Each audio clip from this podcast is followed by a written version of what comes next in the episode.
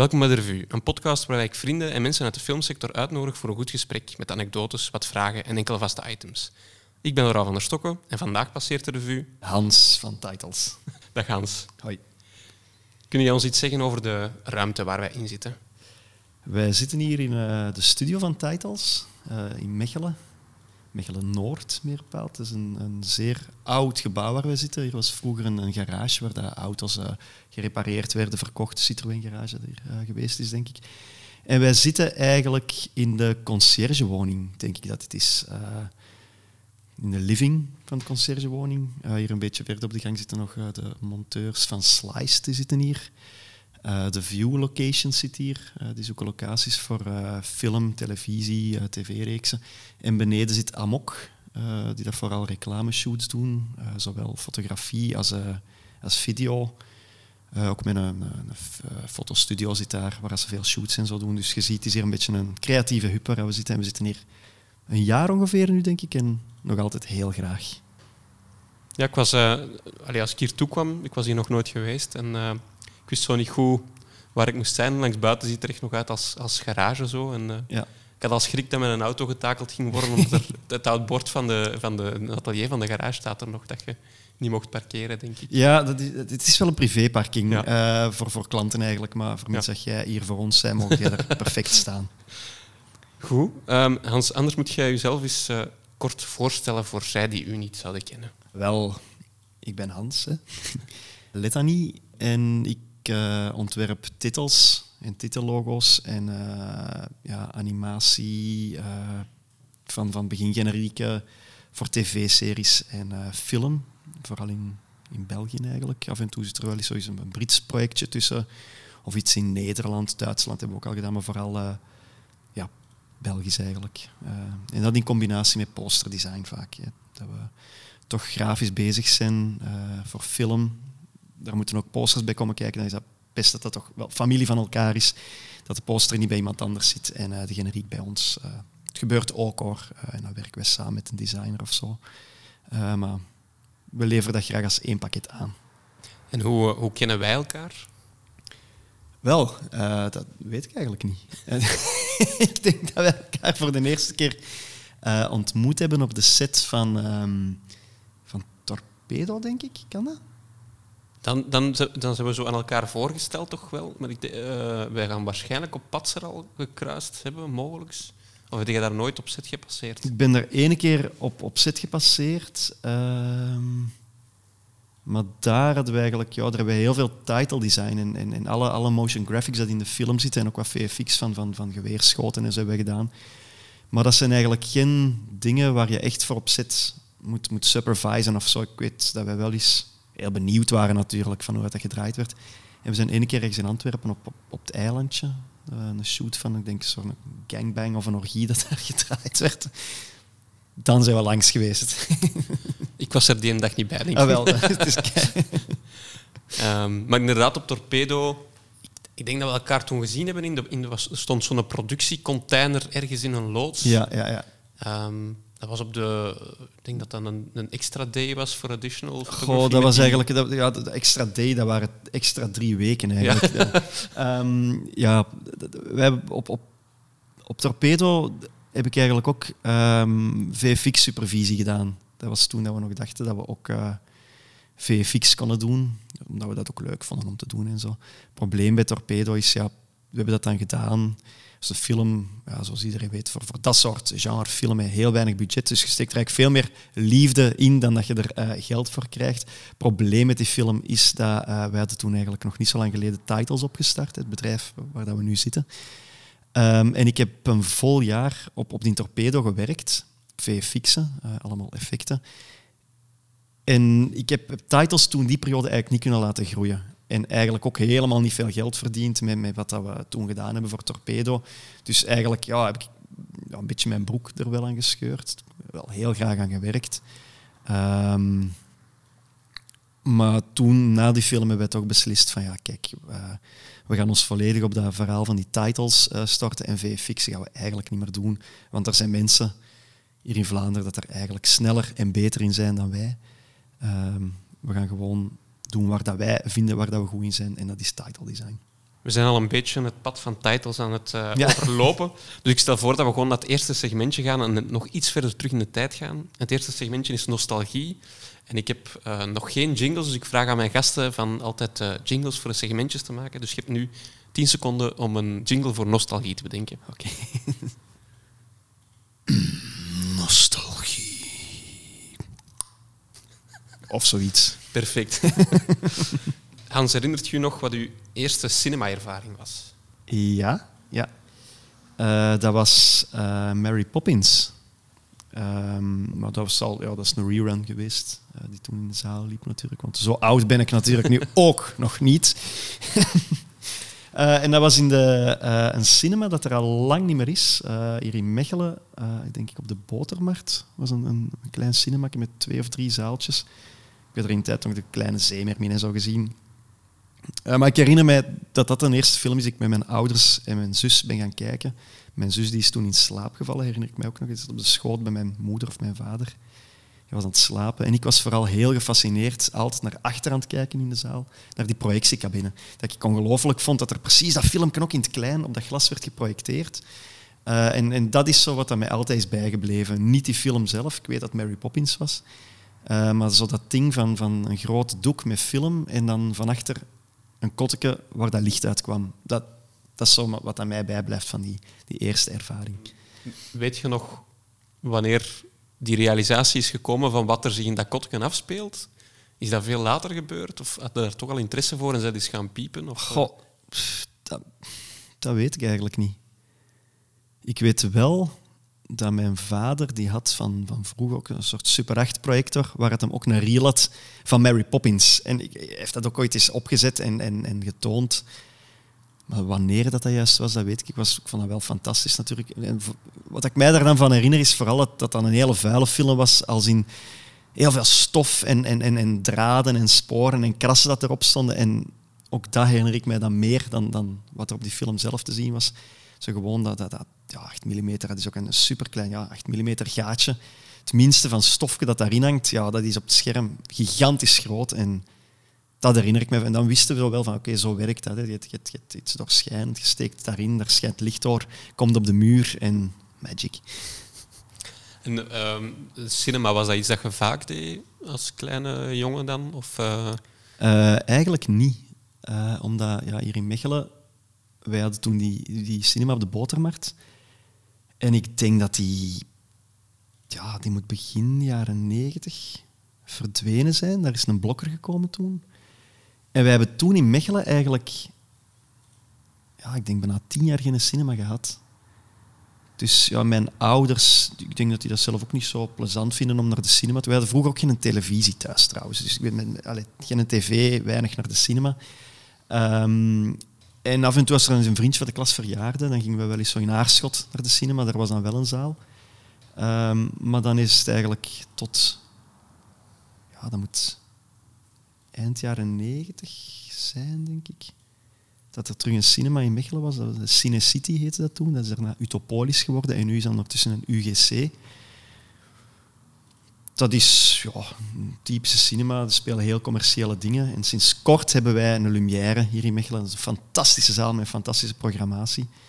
Uh, en daar zit ik nu elk weekend.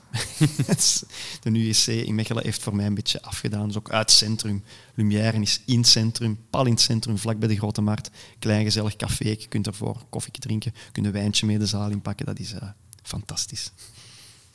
Ik ga misschien ineens het bruggetje maken naar uh, dat is dan de eerste film dat je herinnert, Mary Poppins. Wat is nu de laatste dat je gezien hebt? In de zaal? Uh, dat zal in de Lumière geweest zijn. Ik ben naar uh, French Dispatch gaan kijken. Die speelde al wel even, dat is niet meer zo'n mega recente film. Maar ik denk dat dat wel... En wat vond je van de French Dispatch? Uh, ik, vond, ik vond dat heel tof. Ik vond dat wel een typische... Ja, Wes Anderson. Ik ben, ben fan van Wes Anderson. Um, hoe dat, dat eruit ziet uh, en ja, die verhalen zijn ook heel grappig en zo. Dat is nu niet om te zeggen van, want was de week ervoor was ik dan Dealer gaan zien bijvoorbeeld. Wat ik echt fantastisch, dat vind ik een heel goed scenario, dat is goed gedraaid. En Wes Anderson, ja, is Friends Dispatch is gewoon meer van hetzelfde dat je van hem gewend bent. Maar met nog meer geld, en, en denk ik dan. En, en ja, dat is, hij heeft zichzelf weer overtroffen in zijn, ik denk dat hij nog nooit een film gemaakt heeft dat zo Wes Anderson is als deze film. Ze zijn eigen genre gewoon nog gefine-tuned. Uh, maar ik vond, ja, ik vond dat heel tof om te zien. Uh, een beetje een raamvertelling van... Ik denk dat eigenlijk een stuk of vier, vijf kortfilms zijn eigenlijk, dat uh, in één grote film gegoten worden. En dat is heel fijn om naar te kijken. Kan voor de luisteraar ook aanraden voor moest je hem gaan zien, van hem uh, zeker zonder ondertitels te gaan zien. Want Absoluut, ja. Ik ben hem op Filmfest Gent gaan zien en daar was nog eens tweetalig ondertiteld. Ja, en met alle tekst on screen en titels dat erbij komen, dan... Allez, het is sowieso al visueel intens, dan weet je gewoon niet meer allez, ja, waar je moet kijken. Het is, uh, een rare ja, automatisme dat je ondertitels niet wilt lezen, maar er toch naar kijkt, omdat dat gewoon... Ja, ja, maar het is ook natuurlijk... Ik heb dat toen ook gedacht. En ik heb toen ook, toen ik thuis kwam, tegen mijn vrouw ook gezegd van ja, eigenlijk moeten die zonder ondertitels, want er gebeurt zoveel in beeld en die beelden zijn zo, zo gelikt en ja, echt bijna op een wiskundige manier... Ja, dat is niks aan toeval overgelaten. En die, die ondertitels inderdaad wel uh, in de weg. Ik dacht ook van ja, misschien moet ik dat zonder ondertitels zien. Um, en mijn Engels is wel oké, maar, maar Wes Anderson schrijft natuurlijk ook bijna literair. Met hele moeilijke woordenschat. En zo dacht ik van ja, misschien heb ik die ondertitels eigenlijk wel nodig voor alles mee te hebben, omdat dat, dat is niet gewoon dialoog. Dat is echt super literair geschreven. En deze film gaat dan nog eens over, over, een, over een, een krantenredactie die dat ook een, een heel specifieke high-end krant maken voor, voor ja, uh, chique lezers en zo. Dus dat is, ook op die manier is heel die film dan nog eens geschreven. Dus ja, ik, weet, ik denk niet dat ik zonder ondertitels alles had meegehad. Is dat iets dat je merkt dat je toch wat beroepsmisvorming hebt? Dat je specifiek dan naar titels en tekst on screen en credits gaat gaan kijken? Of kun je dat nog wel uitzetten als je naar een film gaat? Uh, ik kan dat moeilijk uitzetten eigenlijk, ja. en ik, ik, herinner mij dat ik dat wel heel lang heb. Uh, dat, dat ik ooit um, Enemy at the Gates ben gaan kijken, ook in de, in de filmzaal. Dat leek mij, ja, op, zich vond ik dat nu niet... Ik wou dat graag zien, dat leek er mij nog een toffe oorlogsfilm uit. Uiteindelijk was ik niet zo overtuigd van het verhaal en ik vond die film, ja, dat was oké. Maar wat aan mij altijd is bijgebleven, ik zat toen in het middelbaar of zo, die, die eindgeneriek, dat waren pancartes. Dat was geen scrommen, dat waren pancartes die zo wat, schuin in beeld stonden en met dat, dat typisch Russisch aandoend lettertypen en zo met zwart en, wit en rood. En dat was eigenlijk heel, ja, dat, dat, dat Russisch brutalisme zat er zo in. En ik herinner me dat, ik tegen klasgenoten zei van ja, ik ben die film gaan zien, the Gates. En ja, ja, wat vond ik? zeg, ja, ik vond hem eigenlijk niet goed. Maar de eindgeneriek was ik schoon. Ja, het is zoiets hadden van, maar waar zit je met... Oké, ja, oké, ja. Zo, dat, dat ik niet die klik nog niet kon maken met mensen van ja, dat, dat eindgenerieke, dat dat wel iets was ja, een beetje dat daar ook mensen zijn erover nadenken en dat, dat, een kunstvorm kan zijn. En, maar dat viel mij toen al wel op en dat is iets waar ik wel vaak aan terugdenk van ja, eigenlijk, ik was toen een jaar of 16, 15 of zo en dat mij toen toch al opviel, een eindgeneriek. Ja. ja. Met dat we nu toch een beetje op thema zijn, zijn er uh, bepaalde opening titles of credits dat er voor u uh, doorheen de filmgeschiedenis uitspringen als uw favoriete of uh, uw meest merkwaardige? Of. Goh, ik vind dat een, dat is een vraag die veel gesteld wordt in dit soort uh, interviews. En ik vind dat altijd heel moeilijk om op te antwoorden, omdat dat bij mij continu verandert. Ik weet in een tijd dat, zo die, die, die 50s dat zo terugkwamen, als, als de, de Madman en zo, dat vond ik toen een heel tof stijlje. Uh, Kiss Kiss Bang Bang is ook een beetje... Maar dat leunt ook allemaal terug aan tegen die Soul Bass, wat eigenlijk voor ons... En, ja, niet voor ons alleen, dat is gewoon zwart op wit. De godfather van, van title design. En je merkt dat er toen dat die, uh, zeker ook ja, bij televisie, ja, rond de eeuwwisseling, zo'n beetje een revival gehad van, van die title design, dat eigenlijk terug heel belangrijk werd. Dat is een tijd bijna niet geweest. Of ja, voor, sitcom en zo hadden dan een beetje gelijk wat FC de kampioenen deed. Zo'n personage die even in beeld komt met een naam erbij. Maar zodat van, we gaan nu eens een, een, een, een werkje maken dat u echt in de sfeer brengt.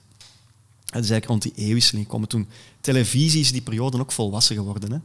Uh, daarvoor hadden cinema en hadden, hadden televisie. En televisie was wel een beetje het mindere broertje, maar toen dat de Sopranos en al die in HBO begon. Uh, ja, Homebox Office, hè, HBO, dat heet ook Homebox Office voor iets. Zij willen de cinema thuis brengen en die zijn allemaal die prestigieuze reeksen beginnen maken. Met hun generieken ook. En in die periode is er heel veel fantastische dingen gemaakt, um, waar wij nu als referentie nog steeds naar, naar teruggrijpen eigenlijk. Qua, qua vertelling, qua stijl. maar ook die grijpen dan weer terug naar dingen dat eigenlijk helemaal in het begin van het title design in cinema zaten. We werkten ook, dus ik merkte een een reflectie van, van, van ja, naar, naar dingen die al bestaan. Ja, er zijn natuurlijk ook veel nieuwe dingen en zo. Hè. Um, maar echt een, een favoriete begingeneriek, dat heb ik eigenlijk niet.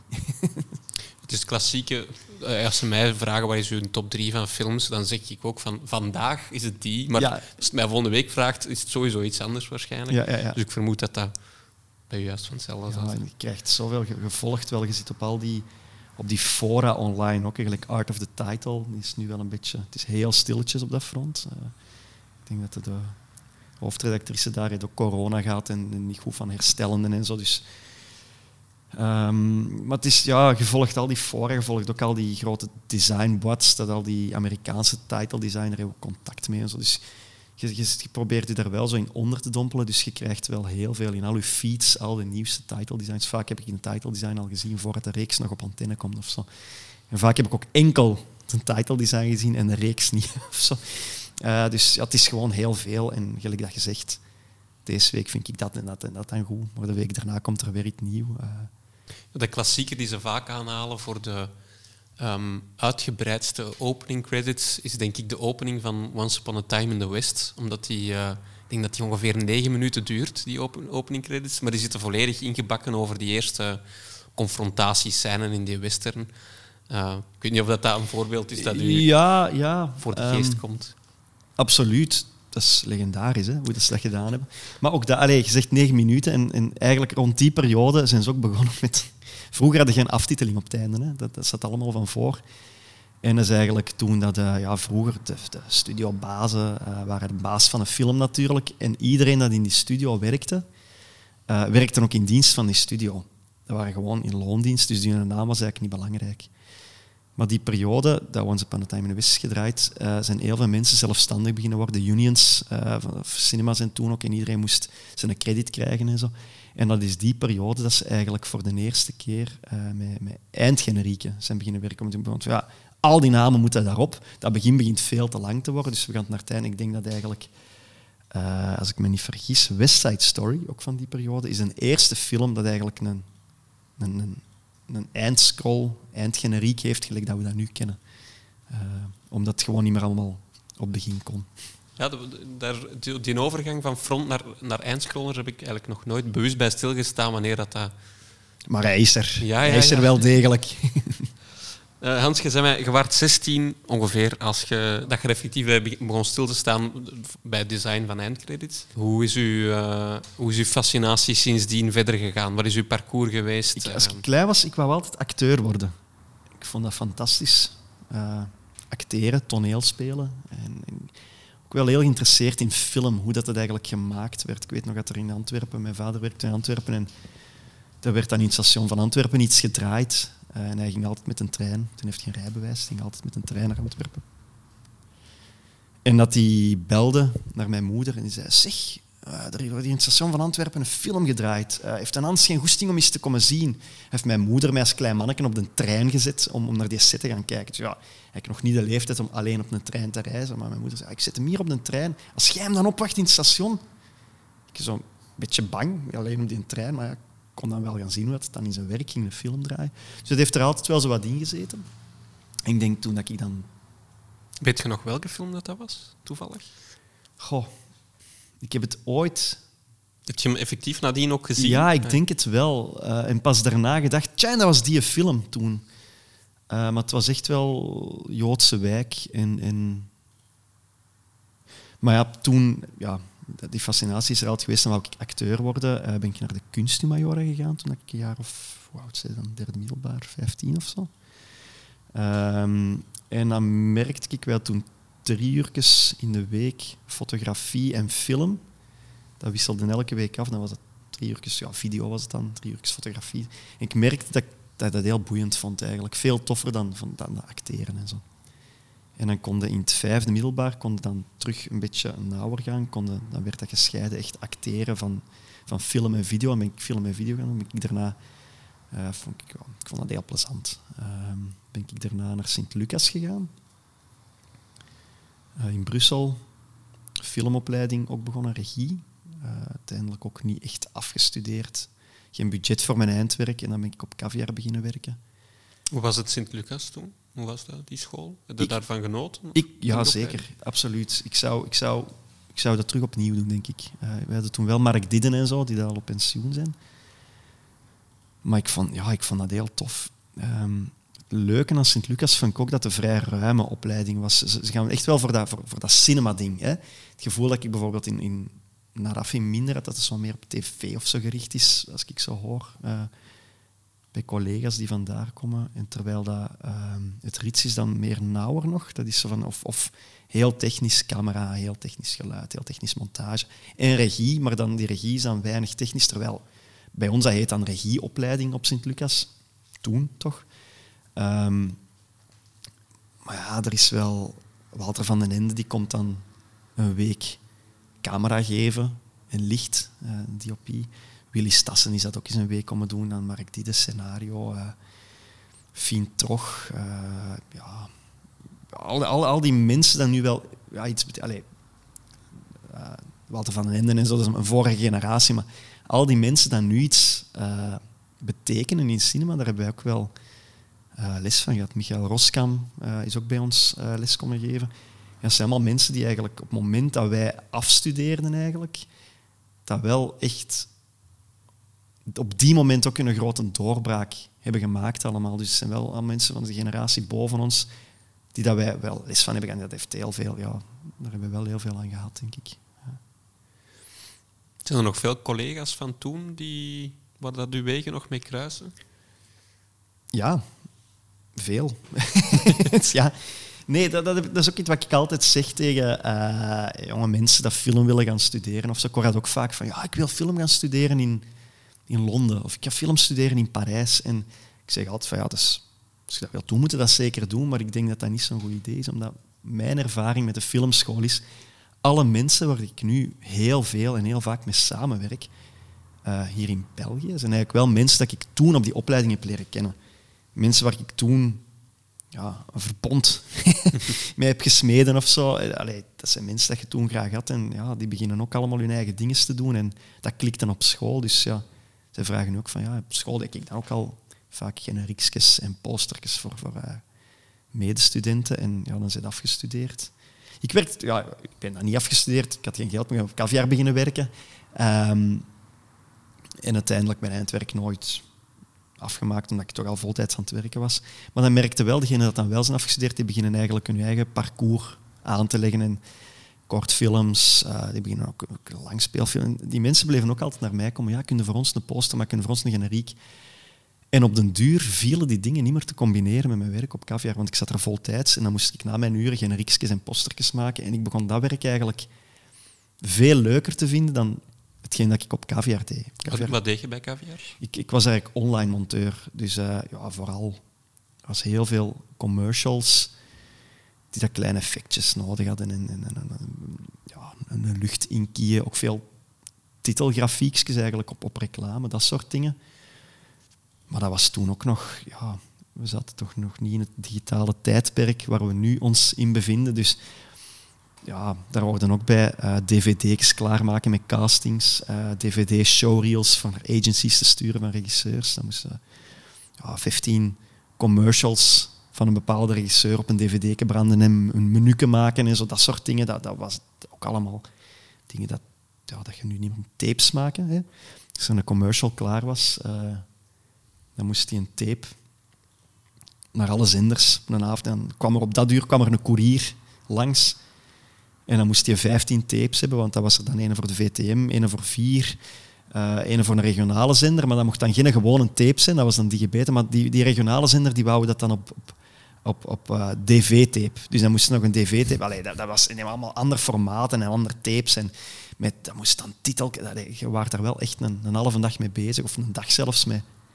Also, allemaal die tapes op... op allee, dingen die nu niet meer gebeuren. Maar dat waren dus dingen die wij toen ook moesten doen. Kun je, kun je voor de iets jongere luisteraar zeggen in wat jaar dat, dat was? Om voor duidelijk te maken dat het nog niet zo lang geleden is. Nee, uh, dat was... Wacht, ik ben... 2007, denk ik begonnen op caviar. In 2011 ben ik zelfstandig geworden. Ja. 2007. Ik heb, ik heb ook echt die overgang van, van film naar digitaal daar ook echt keihard meegemaakt. Ik weet, dat, ja, caviar is natuurlijk vrij high-end en al die grote commercials die werden nog op film gedraaid. 16 mm, 35 mm. En op een dag kwamen ze, ja, we gaan eens, het is iets low-budget ding, we gaan dat eens proberen in HD te draaien met die nieuwe, je hebt een nieuwe camera, uh, Red of zo. Red, ja, gaan we eens testen, Red. Um, maar ja, je gaat dat zien. Dat, dat, dat, gaat voorbij gaan, dat is iets nieuws. Maar echt waar, twee maanden later was alles digitaal. Dat heeft echt twee maanden geduurd. En alles was ja, ongelooflijk. Um, ik vermoed dat je op Sint-Lucas ook nog je eigen kortfilms hebt gedraaid. Ja. Um, kun je ons iets vertellen over wat, wat voor werken dat, dat waren? Zijn die nog ergens te bekijken? Of houd je ja, die, de, de, de, koffieman staat online nog steeds. Uh, en dat was eigenlijk, ik, ik, was heel hard geboeid toen door die oude serials van, van de jaren 50. Die, die korte ja, vervolgverhaaltjes. En ik had toen ook een, de koffieman gemaakt. Dat was eigenlijk een een gast dat koffie rondbracht in een, in een kantoor, in een van de administratie. En had een, een, fictieve vriend en dat was een superheld, de koffieman, die altijd met hem meeging. En die maakte hem dan attent op dat er dingen fout liepen. En de koffieman, gespeeld door de fantastische Louis van der Waal, uh, die, ja, die loste dat dan allemaal op. En ik had zo één aflevering van iets van een acht minuten gedraaid. Ook met een uh, What's Coming Up Next, met een klein bumperken op het einde van volgende week gaat dat gebeuren. Maar die volgende week is natuurlijk nooit gedraaid. Maar ook toen heb ik heel veel uh, aandacht aan die titels en, en aan de merchandise. Ik had dan klein badjes voor iedereen en voor heel de jury van, met, dat logo van de koffieman. Dus eigenlijk, ja, al, al die grafiek rond die film vond ik eigenlijk bijna plezanter dan die film zelf. Pas op, ik heb me heel hard geamuseerd met die film te maken. Hè. Maar zodat alles wat daar rond zit, van, van, van, van sfeer maken en, en dingen, titeltjes, dat is, ja, dat was toen ook al mijn ding en dat is nooit verdwenen. Was dat al digitaal gedraaid dan toen? Goh, dat was um, ehm, HDV nog, ja. Ah ja, de, ja, de, de cassettes. Uh, ja. hè? HDV? Ja. Ja, ja, ja. ja. ja. ik heb zelf ook nog op, uh, op mini-HDV gedraaid, toen, rond die periode. Ja, ik denk dat veel luisteraars niet meer gaan weten wat, HD, dat, dat, kort, dat is een heel korte periode maar geweest. Ja, hè? ja, ja, En uh, uw titeldesign, hoe, uh, hoe verliep dat dan? Is dat dan uh, met de... Was dat al binnen Adobe? Ja, dat was toen nog um, Photoshop, After Effects en Final Cut Pro 7. ja. Waren veel van uw medestudenten daar ook mee bezig? Met, met dat montage en grafisch vlak dan? Of. Goh, ik, ik weet dat ik um, vooral toen ook bezig was met heel dat, dat digitaal. Ik was ook de eerste in mijn klas dat zo... Ik had keihard gespaard voor een, een Power Mac G5 te kopen, zo'n metalen toren. Dit is de eerste toren, metalen torens dat Apple had. En, en dat ook iedereen zo bij mij kwam van, van ja, zijn montagetips. Ik was daar toen al heel hard mee bezig, met het digitale verhaal van, van, en, en monteren. En, dat, ik ook wel iedereen tips gaf als mensen iets wouden, ook een computer kopen of iets, dat die mij belden van ja, wat zit dat, hoe, zit dat juist? En dat ik daar gewoon heel veel mee experimenteerde en ook met heel dat, ook vooral van, van dingen, dat digitale composite, hoe dingen in te keyen en, en, en blue key en green key, dat was toen iets dat mij echt enorm fascineerde. De effecten in film en, en hoe kun je met, met, met digitale hulpmiddelen eigenlijk iets krijgen dat er ook realistisch uitziet. En, en ja, dat, ja dat, dat, ontwerpen en designen van, van shots, dat heeft er toen, zat er toen ook al heel hard in. Ja. Zo tussen 2007 en 2011 zijn dat ook niet nog de, de, de hoogdagen van de video co-pilots en de... Absoluut, ja, ja, ja zeker. Dat, dat, ik denk, ja... Ja, ja dat, dat, dat zijn, daar, daar heb ik After Effects mee geleerd, met Video Copilot. Uh, en die mens die heeft, daar ook, ja, die heeft heel veel tutorials gemaakt, die periode dat iedereen ook volgde. En die is daarna gewoon zelf voor Star Wars beginnen werken. En Star wat heel cool is, hè. die mens heeft gewoon... Een van zijn eerste tutorials was hoe ook een lightsaber maken. En ik weet dat ooit op zijn website een, een, een polvraag was ook van ja, wie zijn eerste ervaring in After Effects is. Ik kan eens een lightsaber proberen op beeld te zetten. En echt, ja, ik denk dat drie kwart van de mensen een eerste ervaring in After Effects effectief, dat was bij mij ook. Het eerste wat ik in After Effects heb gedaan is, hoe, hoe kan ik hier een lightsaber maken op van een zwaard? En ja, nerdy, geeky toestanden. ik denk bij mij, bij mij dat dat... Ik, ik, zat in het middelbaar toen, maar ik heb toen een, uh, ook een poging gedaan om iets Star Wars-achtig te maken. En dan was het ook zo effecten met lightsabers. En ik weet dat ik um, het idee begon te snappen van Blue Key. Uh, en dan met een of ander blauw stuk stof dat ik had gevonden, een Blue Key had, met mijn maten dan van alles op gedraaid. Maar ik, zat, ik had toen via een vriend een versie van Premiere Pro, dat is nog CS 2.5 of, zo, of CS3, zo'n heel vroege versie. En ik denk dat dat net de versie was voordat je kon kiezen. Maar wat ik toen dacht, was dat je elke frame kon exporteren naar Photoshop. En dan kreeg je zo'n eh, zo'n filmstrip. En dan ja, kon je zo met, uh, met, uh, met tovergummetje de blue key eruit halen en dan frame per frame de achtergrond gaan vervangen.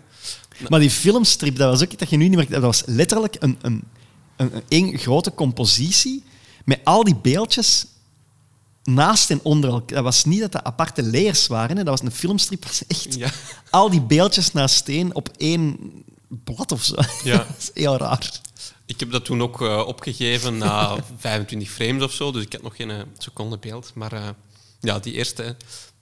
Maar ik vind het wel een heel mooie periode waarbij dat film zo'n heel grote ja, niet democratisering, maar een, een, een, een, bereikbaarheid heeft gekregen op heel korte tijd. Absoluut. En, en dat is ook eigenlijk die periode hè, dat, je, dat je hier uh, omschrijft. En om die reden is die revival van die title design ook geweest. Ineens werd dat, gelijk dat gezegd, mensen konden... Vroeger hadden, in, om dingen te compositen, hadden labos nodig en, en optische printers. Ik wil tekst op beeld. Dat was mijn ik machine. En dan moesten we negatief, positief en die pelliculen en die pelliculen stroken, pelliculen overeen. Maar ineens was er daar Photoshop en After Effects. En, en ja, die periode... Mensen begonnen dat echt... Uh, Seven bijvoorbeeld, dat is de, ook een van de oergenerieken van die revival van, van, van, van title design. Een van de eerste hedendaagse title design wordt ook altijd een hele belangrijke. En dat was effectief omdat ja, toen Photoshop was er ineens en, en die maakten hun composities in Photoshop en die krasten en, en, ja, dat, dat was ineens allemaal binnen handbereik. En dan werd dat nog optisch op pelliculen en zo gezet. Maar ineens, je kon met Photoshop en de eerste After Effects konden dingen doen dat voorheen niet mogelijk waren. En daar sprongen een heleboel jonge designers op dat daar heel hard mee experimenteerden. En, en die had er allemaal, dat voor ons nu ook wel, die allemaal hun eigen grote studio's hebben nu. En uh, Prologue en, en, al, die, al die grote...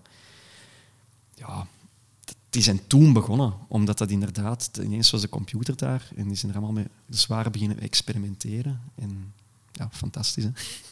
Ik pik even terug in. Dus we zijn uh, ongeveer 2011 dan, als je bij Caviar beslist te stoppen. Um, vertel eens verder hoe dat dan vandaar is uh, gesneeuwbald.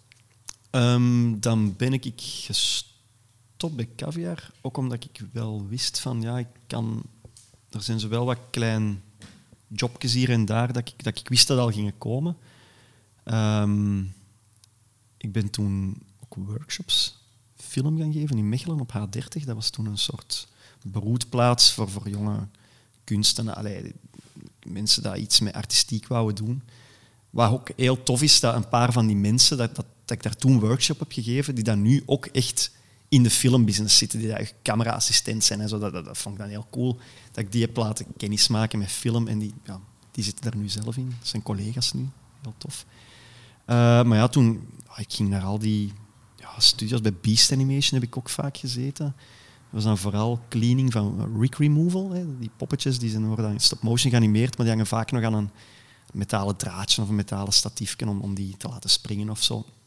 En dus ook bijna frame per frame dat je dat aan wegpaint. En ik heb ook een hele toffe tijd. Ik had ook veel mensen leren kennen daar, waar ik ook nu nog vaak mee samenwerk. Uh, ja, ik heb, ik heb toen wat overal, bij al die postproductiestudio's heb ik gezeten. Ook veel commercials gedaan. Bij Caviar heb ik ook wel op tv-reeksen, films en zo gezeten.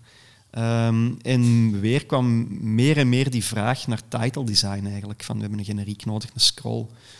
Ja, en een scroll vibreert eigenlijk. Uh, we krijgen het niet goed. Uh, kun je dan beginnen zelf te onderzoeken van ja, hoe kun je dat maken? Want dat is een, een ding dat heel vaak ja, een scroll dat is niet gewoon een in- en een uitpunt. Daar zit een heel wiskundige berekening achter voor het er goed te laten uitzien. Je gaat dat onderzoeken. En op duur wordt een beetje wat de generiekman van, van, van Vlaanderen. Uh, en, meer en meer kwam die vraag. En ik wou dat toen heel graag, um, maar dan zitten we al een stukje later. Ik heb rondzwervingen in al die studio's gedaan, als freelancer dan. De vraag naar generiek kwam meer. En ik ben toen, dat is vijf jaar geleden ondertussen, uh, ik denk het zal 17 of zo geweest zijn, of 16, begon meer zo die gedachte te spelen van ja, ik kan dat niet meer alleen. Uh, die vraag naar generieken wordt zo groot. Uh, ik wil dat graag professionaliseren hier in, in Vlaanderen. Er is nog geen enkel ja, bedrijf dat zich echt volledig 100% toespitst op die generieken. Um, er zijn wel ja, alle, alle posthuizen die deden dat wel. Die deden dan een postbudget. En binnen dat postbudget moest dan ook die generiek zitten. En die, ja, op het einde, ja, dat geld is natuurlijk op. Shit, nog een generiekje maken. Ja, snel, snel iets bijeenflansen. En dat werd dan... Maar ik merkte dat er in het buitenland, uh, in Frankrijk, in Engeland, daar hadden echt bedrijven dat alleen maar generieken deden. En ik volgde die dan en ik ook, alleen, dus toen ook Facebook en zo, dat begon toen op te komen. En, en je begint die bedrijven echt te volgen en, en zelfs contacten ook met te leggen. Dat is wel cool wat dat je doet. En je begint ook echt wel met, met, met, met te babbelen en zo. En ik had vooral schrik met die tax shelter hier in België. Ik merkte ook dat veel Nederlandse bedrijven die dat hier een, een poot beginnen op te zetten, omwille van die tax shelter. Hè, van ja, we kunnen dat in Nederland niet doen voor die Vlaamse films, want ja, dan geld moet die Vlaanderen worden uitgegeven, dus we gaan een Vlaamse tak opzetten.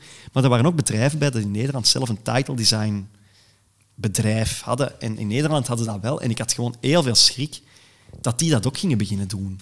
Dat die title design bedrijven naar België gingen komen en hier een, een postbusbedrijf of een echt bedrijf zetten en dat ik mijn werk dan kwijt was. Dus ik zeg, we moeten dat nu professionaliseren. Ik wil ook een title design bedrijf, een echt title design bedrijf, hier opstarten. En toen ben ik met de mensen van toen nog Ace, dat er ook uh, niet meer is, gaan babbelen met Katrijn en Stef. Ik zeg van, kijk, dit is mijn idee. Ik heb een goesting om mij daarbij te helpen. Ik wil, ik wil wel als een soort zelfstandige blijven werken en ik wil een bedrijf, maar ik heb eigenlijk... ben geen goede commerçant of zo. Ik, ik, heb, ik, heb, hulp nodig. Jullie hebben een bedrijf dat al keilang goed draait. Kunnen mij daarbij helpen? En toen zat de Wim daar. De Wim was eigenlijk een beetje de title designer dat op E zat. En die had dat ter oren gekomen dat ik dat wou doen. En uh, die zei van Hans, als je dat doet, dan pak ik hier ontslag en ik doe met u mee en we gaan dat samen doen. En uh, dat is vijf jaar geleden hebben we dat hier opgestart. En ik denk dat wij nu voor bijna alle productiehuizen dat hier in Vlaanderen zijn, wel uh, regelmatig begin- en eindgenerieken maken. Je sprak daar straks van, uh, van visual effects, dat dat er origineel ook nog bij zat. Was dat dan bij de start van titles dat dat nog de combinatie was? Of was dat bij u? Mm, dat, was, dat zat bij mij dan. Ik, had, ik had daarvoor mijn bedrijfje als zelfstandige heette het, het postkantoor. En al die VFX-dingen zaten eigenlijk apart uh, van titles daar, omdat titles, ja, dat wouden we echt gewoon volledig focussen op, op die title design. En alles wat ja, VFX was, dat was dan daarnaast. En op het einde hebben we nog even wel gespeeld. Toen, Wim deed dat dan ook, wat klein VFX-dingetjes voor tv-reeksen en zo onder zijn naam. En op het einde hebben we nog even gezegd van ja, we gaan dat ook onder titles beginnen doen. Maar ja, er zijn ja, huizen hier in Vlaanderen dat er veel sneller en beter in zijn dan wij. Dus wij gaan ons enkel op die, op die title design verder zetten. En ja, natuurlijk, als het een beetje moet ontwikkelen, voor 3 hertz, hè, dat is een, serie voor Ketnet dat uh, dit jaar uh, geëerd is geweest. En die hadden bijvoorbeeld wel iets nodig. Ze zeiden van ja, we hebben een soort effect nodig. Uh, dat gaat over een meisje en er zit een Walkman op van de jaren 80. En als ze dat opzet, hoort ze eigenlijk in het verleden en kan ze zo een soort misdaden oplossen. Maar we willen dat visueel in beeld brengen, hoe dat, die dat eigenlijk hoort. Maar ja, we zitten met een televisie, wat een, een, visueel medium is, dus we willen daar ook beeld bij. Kun je een manier bedenken hoe dit visueel iets te maken dat, dat ze eigenlijk het verleden zie slash hoort door die Walkman kun je al een effectje bedenken. Maar ja, dan zitten we weer met ontwerpwerk eigenlijk. Hè. En dat is wat wij doen. Wij, wij ontwerpen eigenlijk ja, generieke, tijd, eigenlijk, visueel ontwerp uh, voor, voor all things film. Gelijk dat er op onze, onze tagline uh, van onze titles uh, bedrijf is. En dus dat zijn ook dingen, is dat dan een soort VFX-ding? Is dat dan, ja, nee, ja, het is VFX, want je moet dat natuurlijk wel incompositen. Maar ons gaat dan vooral van, ja, hoe ontwerpt dat, waarom zien die personages er op dat moment zo uit? Gaan bedenken van, hoe kunnen we dat visueel interessant maken? En ja, het gaat vooral ons meer om dat designen dan het, ja, visueel effect is vaak ook onzichtbaar. Hè? Uh, dat zijn dingen van, ja, een ontploffing of, of, of dingen wegwerken of zo. Maar wij willen juist iets heel visueel, dat iets bijbrengt aan, aan uw film. En ja, dat is, dan, is het dan VFX? Ja, een stuk wel, maar dat is vooral ook iets ontworpen, een concept dat wij ontworpen hebben. Dus dat zijn wel, waar ligt die grens dan? Sinds 2016 naar nu toe um, doorloopt misschien eens een paar uh, opening of closing credits of, uh, of posterdesigns die onze luisteraar misschien gezien heeft van jullie. Staat een, een heel goed overzicht op de Instagram van uh, titles, daar komen we straks misschien nog op terug. Maar uh, er lopen er misschien eens een paar, een random selectie, die niet per se... Uh... waar dat wij heel graag op gewerkt hebben, is natuurlijk Patser. Met Adil en Belal, een grote doorbraakfilm ook. omdat dat ook wel een film is waar wij als, als bedrijf met titles, dat is een van onze eerste grote films dat wij gedaan hebben, en we hebben daar direct heel erg hard van titles uit onze stempel kunnen opdrukken. Um, dat was dan in samenspraak natuurlijk met, met Hendrik en Kobe, de producers, dat er echt heel hard bovenop zaten. Adel en Belal, dat ook heel hard hun eigen stijl hebben. En natuurlijk Robrecht Heijvaart, die dat ook fantastisch een DOP, dat ook zijn idee over alles heeft. En we wisten, ja, we willen veel neon. En, en, en heel dat, dat, dat videogame-ding in die film steken. En dat hebben wij toen echt met twee handen vastgepakt. Uh, en heel die film eigenlijk, de look dat die film heeft, hebben wij eigenlijk vanuit titles mee bepaald eigenlijk. Dat begint al van voor de film gedraaid was, het, het, het grote Patser logo-design, dat er al was voordat de film er was. En dat je direct ook die film op een manier van kon van gaan, branden. Dat logo is er, dat stijlke met de neons is er. Um, en gedurende de productie ook, Adil en Belal, die, die waren toen ook heel actief op Instagram. Uh, ik denk dat dat nu door de grote studios, voordat die werken, een klein beetje aan banden wordt gelegd, want die, ja, die tekenen contracten dat die niet veel mogen laten zien. Maar toen, ja, dat was me. Uiteindelijk hier in België, dat zijn kleine ploegen. Hè. Dat is Koben en Hendrik, de producers, het Adil en Belal, en die beslissen, oh, kom, we gaan dat hier zo in de markt gooien, we zetten het op Instagram en dat. Maar elke Instagram-post over Patser dat toen deed, die namen dat op, gelijk hoe dat je een Instagram-postje doet hè, met je gsm. Dat werd naar mij doorgestuurd, alleen naar ons, naar wie met mij. Uh, en wij voorzien dat dan van de, de juiste neons en effectjes. Dan sturen wij dat terug naar hun en zij zetten dat op die moment op Instagram. Dus eigenlijk waren wij all over the place bij die film, in, in, in, dat in de markt zetten ook. En, en elk ding dat naar buiten ging, passeerde even via ons om er van de juiste effectjes te voorzien. En ja, dat was gewoon heel plezant om daarop te werken. Ja, ik denk in, in mijn perceptie was, was Patser ook een van de eerste of weinige uh, Vlaamse films die zo breed en zo uitgebreid de visuele stijl ja. over heel de lijn doorzetten en waar je in de media niet kon naastkijken. Mm Terwijl er bij veel films dan voor een trailer of voor een poster naar een ander, een ander uh, een andere instantie wordt gegaan, waardoor dat die, die stijl dan niet wordt doorgetrokken of dat een, een trailer een heel andere film weergeeft uh, dan dat effectief wordt. Dus ik vond bij, allez, bij Patser wel heel markant dat je die, die brede visuele stijl uh, uh, over heel de lijn had. Absoluut, dat vonden wij ook fantastisch om te doen.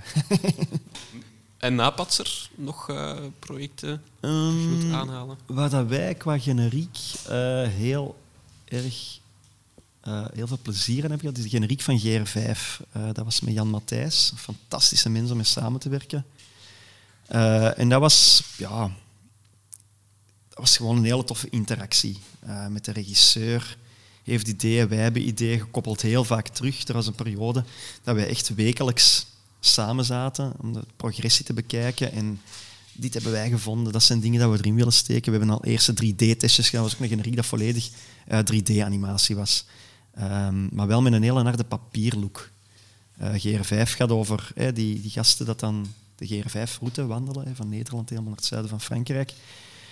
En ja, wij wouden dat, dat, dat dat gegeven van die landkaarten daar heel graag in hebben. En, de Jan die kwam af met van ja, vroeger toen wij in de lagere school zaten, hebben wij eens moeten stafkaarten uitknippen op karton en eigenlijk zo die, die hoogtelijnen uitknippen. En dan plakte dat op elkaar en dan kreeg je echt die, die, die, die, die, die, die gebergten en die hoogtes op, op een kaart.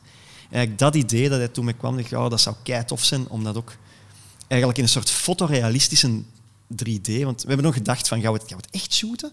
Gaan we dat bouwen en echt shooten? Maar dan zit het ook gelimiteerd. Hè. Als je iets draait, ja, hangt er dan... Je kunt niet meer, je niet meer veel, veel kanten uit daarna. Dus we hebben dat dan in 3D helemaal uh, ontworpen en, en wat wel realistisch. Want die vraag is ook gekomen bij heel veel mensen van... Het gaat dat geshoot, maar die, die sets, die decors had ik wel eens willen zien. Ja, nee, het is, het is volledig 3D. En we hebben er heel veel ja, ja, heel veel aan gehad om dat zo te doen. En uh, veel goede reacties op gehad. Ja. We waren er eigenlijk al een beetje aan, aan, aan geraakt. Uh, aan het volgende item. En dat is uh, Sector Talk. En daar mocht je ook een jingle voor maken. Oké, okay, we gaan verder op uh, de ingesprongen weg. Hmm, sector Talk. Kunt je voor de luisteraar anders even samenvatten wat uw job inhoudt? in, in, concreet, hoe ziet uw dag eruit? Misschien is dat uh, iets specifieker. Die dagen zien er altijd anders uit. Uh, ja, de job is eigenlijk vrij uh, ruim. En wij maken altijd dingen die er totaal anders uitzien, wat, wat super interessant maakt. Natuurlijk. Maar eigenlijk wat dat onze job inhoudt, is ja, het designen van, van begin- en eindgenerieken en het concept bedenken van begin- en eindgenerieken voor televisie en film. Ja. Op welke momenten worden jullie meestal betrokken bij een project? Dat hangt eraf. Dat hangt er vanaf, productie per productie. Sommige worden wij heel laat uh, pas bij betrokken. Dan is het zo van, zeg, we hebben hier een reeks gedraaid of een film gedraaid en eigenlijk moet die volgende maand in première gaan. we hebben nog geen generiek, kunnen gewoon iets maken. Ja, en dan, dan kan dat natuurlijk, hè. maar dat vind ik dan de minder leuke producties. Uh, ik, heb, ik heb heel graag producties waar dat wij heel vroeg al gecontacteerd worden. Uh, dat gebeurt ook meer en meer, omdat klanten beginnen en producers beginnen ook wel meer die... die dat belang te zien van ja, een goede begingeneriek is wel super belangrijk. En meer en meer uh, worden wij al betrokken, nog voordat eigenlijk de eerste draaidag geweest is. Um, lezen wij scenario's, proberen wij uit scenario's dingen te halen dat ons interessant lijkt voor een generiek. Uh, wij krijgen de rushes binnen van die reeks, kunnen wij volgen wat er gedraaid wordt en zo. Wat, super, gaan wij eens langs op de set en zo. Praten wij al met de showrunner, met de regisseur, voordat er iets gedraaid wordt. Werken wij eerst de concepten uit. Wat ook handig is, want als we dan zeggen van bijvoorbeeld van ja, het zou tof zijn om met die en die beelden te werken, ja, dan moet het nog allemaal gedraaid worden. Dan kunnen die een second unit wel op een paar dingen zetten. Um, maar pas op, allez, is ook al gebeurd professor T bijvoorbeeld, uh, van Caviar, voor de Britse televisie. Die zijn eigenlijk ook vrij laat bij ons gekomen. Die reeks die was al in montage toen hij bij ons kwam. Met verschil, ja, dat is een Britse reeks, daar is geld. Die kunnen dingen doen, je kunt rap met concepten komen, dat kan snel goedgekeurd worden. Dat is, een heel andere manier van werken dan dat wij hier gewoon zijn in Vlaanderen. Uh, dat hebben we echt een generiek gemaakt, met volledig twee dagen uh, shoot in een studio uh, en op een, van op, een maand eigenlijk. Die zei van, we hebben een generiek nodig, over een maand moet die klaar zijn. En normaal is het altijd zo wat bij helpen, van, want ja, niks is mogelijk. Maar in dit geval was het dan van, oké, ja, in, in shooten gaan ook. Ja, wij kunnen draaien, wij kunnen een volledige productie van een begingeneriek uh, dragen.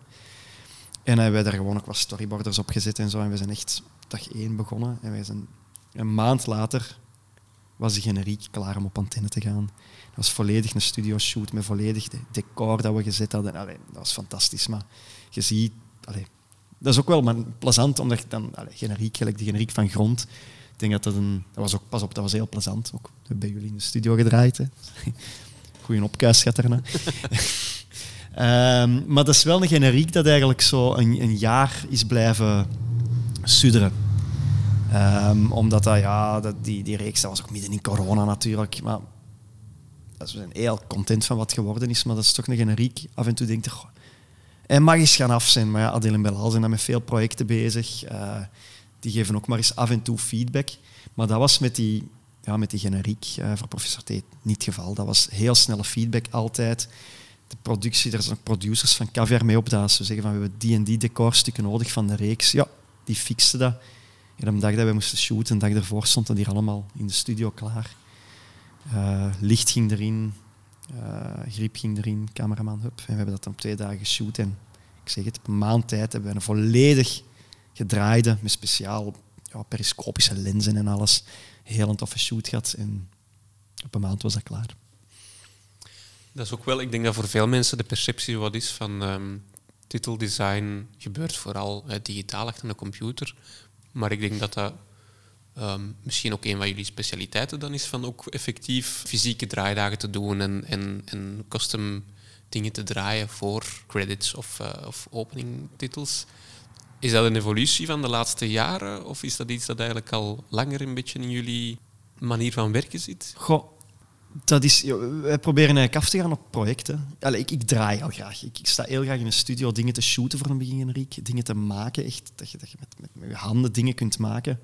Ik zit graag zo'n computer ook, maar echt iets, iets maken met een ploeg, met een DOP dat mee op dingen denkt, dat vind ik eigenlijk het plezantste. Maar eigenlijk wat dat wij doen, wij gaan er altijd, wij vertrekken vanuit het project. Wij, wij bekijken, wij lezen de dingen, wij zien afleveringen, uh, wij lezen scenario's. En wij proberen dan een paar concepten te pitchen eigenlijk bij de, bij de producent of bij de regisseur of bij de showrunner. En soms zijn er dingen bij dat volledig digitaal uh, gemaakt zijn. Soms zijn er dingen bij dat in een studio moeten gedraaid worden. Soms zijn dat ja, dingen dat we met, met, met beelden van de reeks kunnen doen.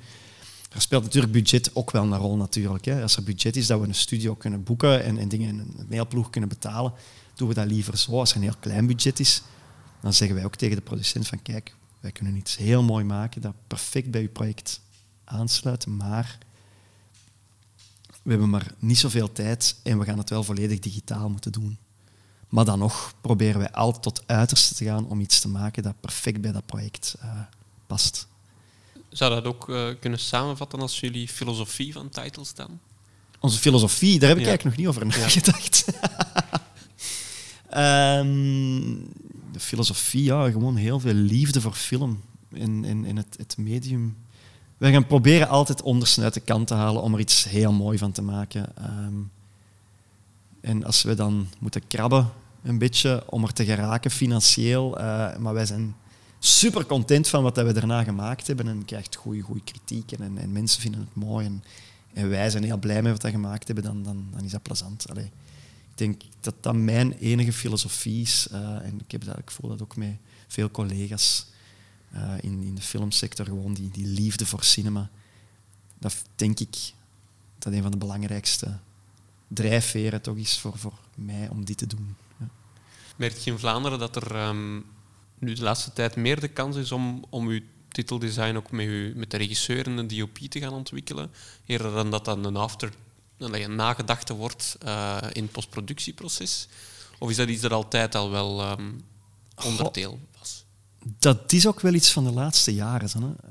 En ook daar kijk ik dan weer naar HBO en de grote Amerikaanse uh, tv-series die dat, dat begonnen te doen. Hè. Uh, bij, de Sopranos en zo. Dat is eigenlijk eerst een narratieve generiek. Hè. We voegen iets bij. We, leggen eigenlijk die weg af van, uh, van, van New York naar New Jersey. En we gaan al die, die landmarks dat daar staan langs die route even passeren. En we tonen eigenlijk Tony Soprano dat in zijn auto die route doet. En dat zit. En die duurt ook twee minuten of zo, wat van begin Rick ook wel vrij lang is. Dat, dat, dat muziekje erbij, komt helemaal in die sfeer. En dat is wel iets dat toen eigenlijk is, is ontstaan. Dat is een hele belangrijke. Um, en ja, je ziet dat mensen zien dat hier, dat werkt wel. Een Dexter bijvoorbeeld, dat is iets later dan, maar dat is ook iets dat hier een paar keer, ja, dat is hier ook geïmiteerd geweest. Um, bij Vlees en Bloed zag je heel duidelijk van, ja, die hebben naar Dexter gekeken. Wat ik trouwens wel goed gedaan vond, ik van Vlees en Bloed, we hebben die niet gedaan, maar ik vond dat wel heel mooi gemaakt, die generiek. Um, maar je voelt wel een switch van, ja, die generiek, dat is echt dat is belangrijk aan het worden. Uh, pas op, ook het, tegenovergestelde. Nu kijk ik naar Amerika met, met ja, al die mensen dat binge-watchen en zo, dat is ook van, ja, bij Grond was bijvoorbeeld Adil, dat riep van... Uh, dat mag geen generiek zijn van langer dan zeven seconden, hè, want mensen die, die klikken dat toch weg, die willen daar allemaal rink aan één zien. En dan is ook daar een uitdaging van, we gaan er toch iets heel coole zeven seconden van proberen te maken. Maar ja, dat is, ze kijken gewoon, ja, dat is nu... Die Netflixen en zo. Hè. Mensen, skip intro. Skip intro, ja. ik uh, plak dat af op mijn tv. plak zo'n stukje zwarte gaffa op die plek. Ja jullie krijgen dan ook wel vaak scenario's toegestuurd, vermoed ik. En dan zeggen daar straks dat je bij de preproductie ook al werd betrokken. Ja. Ehm, merk je dat scenaristen nu ook visueler gaan nadenken over openingssequenties? Of is dat... Ehm, niet altijd, dat gebeurt wel. We hebben nu net een generiek gemaakt voor Chantal. Dat is een spin-off van uh, Eigen Kweek, over dat personage van Mike Kafmaier. En daar stond al een eerste opzet wel in elk scenario van nu komt een titel en er komt die en die een tekst bij.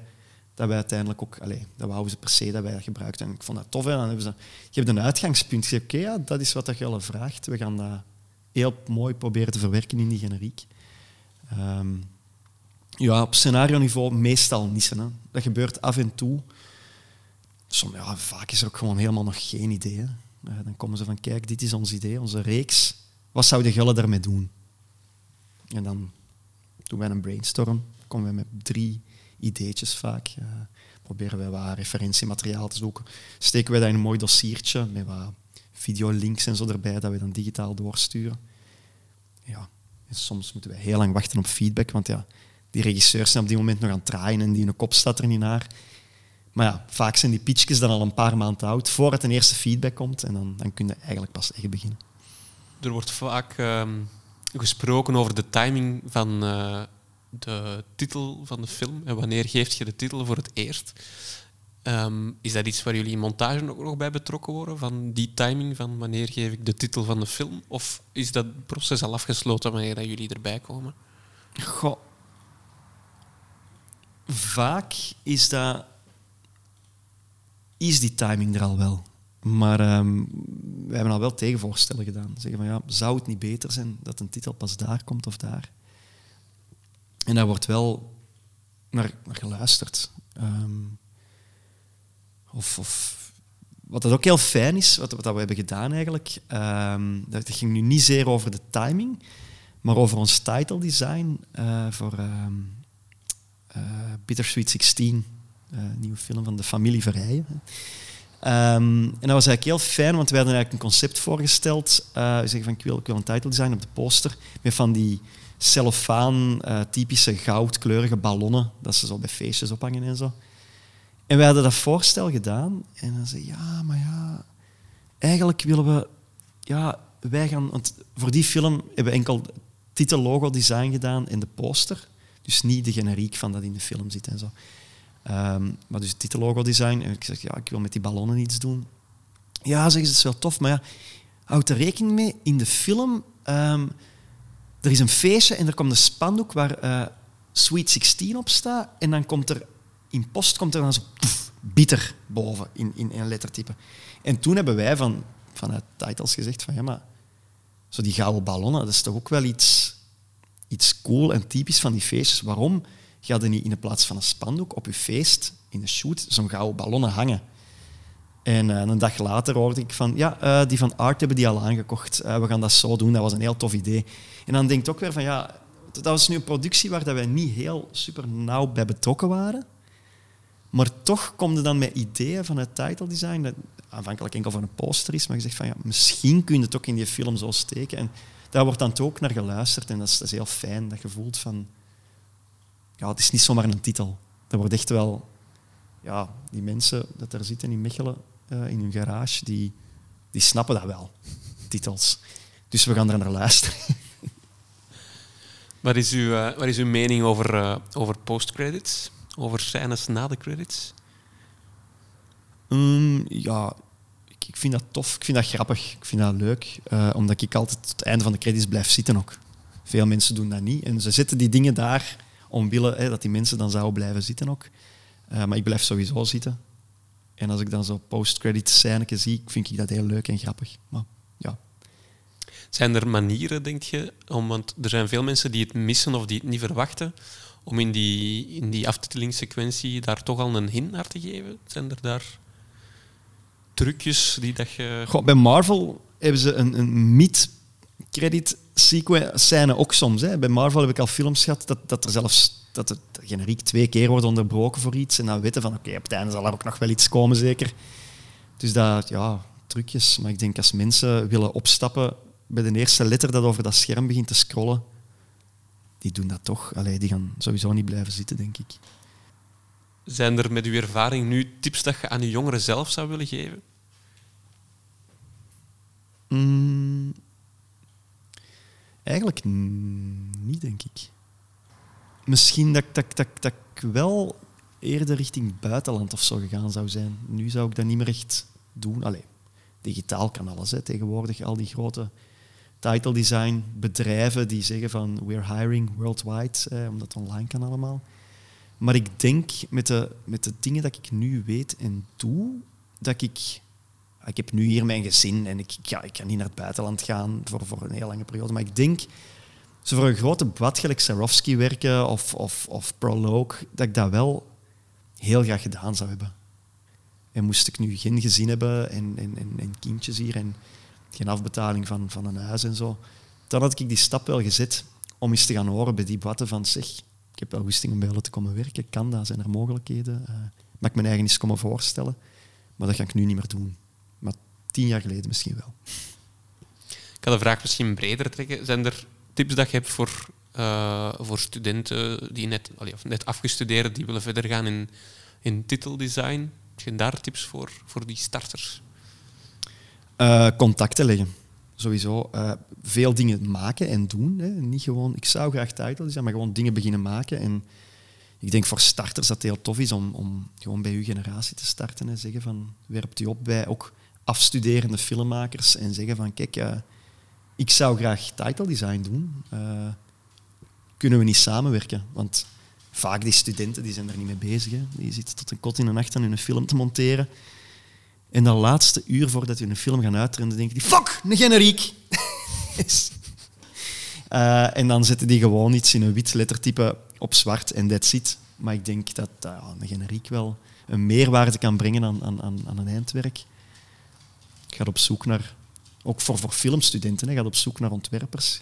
Ligt contacten daar. En die ontwerpers dat graag generieken maken. Ik ga eens horen wie het er allemaal uh, die filmschool zit. Bij wie dat, dat klikt, wie dat graag een generiek zou hebben. En maakt samen iets. Haalt je inspiratie uit bepaalde zaken die niet per se filmgelieerd zijn voor je, voor je designproces? Zijn er plaatsen of dingen waar dat je... Ja, overal eigenlijk. Um, zit...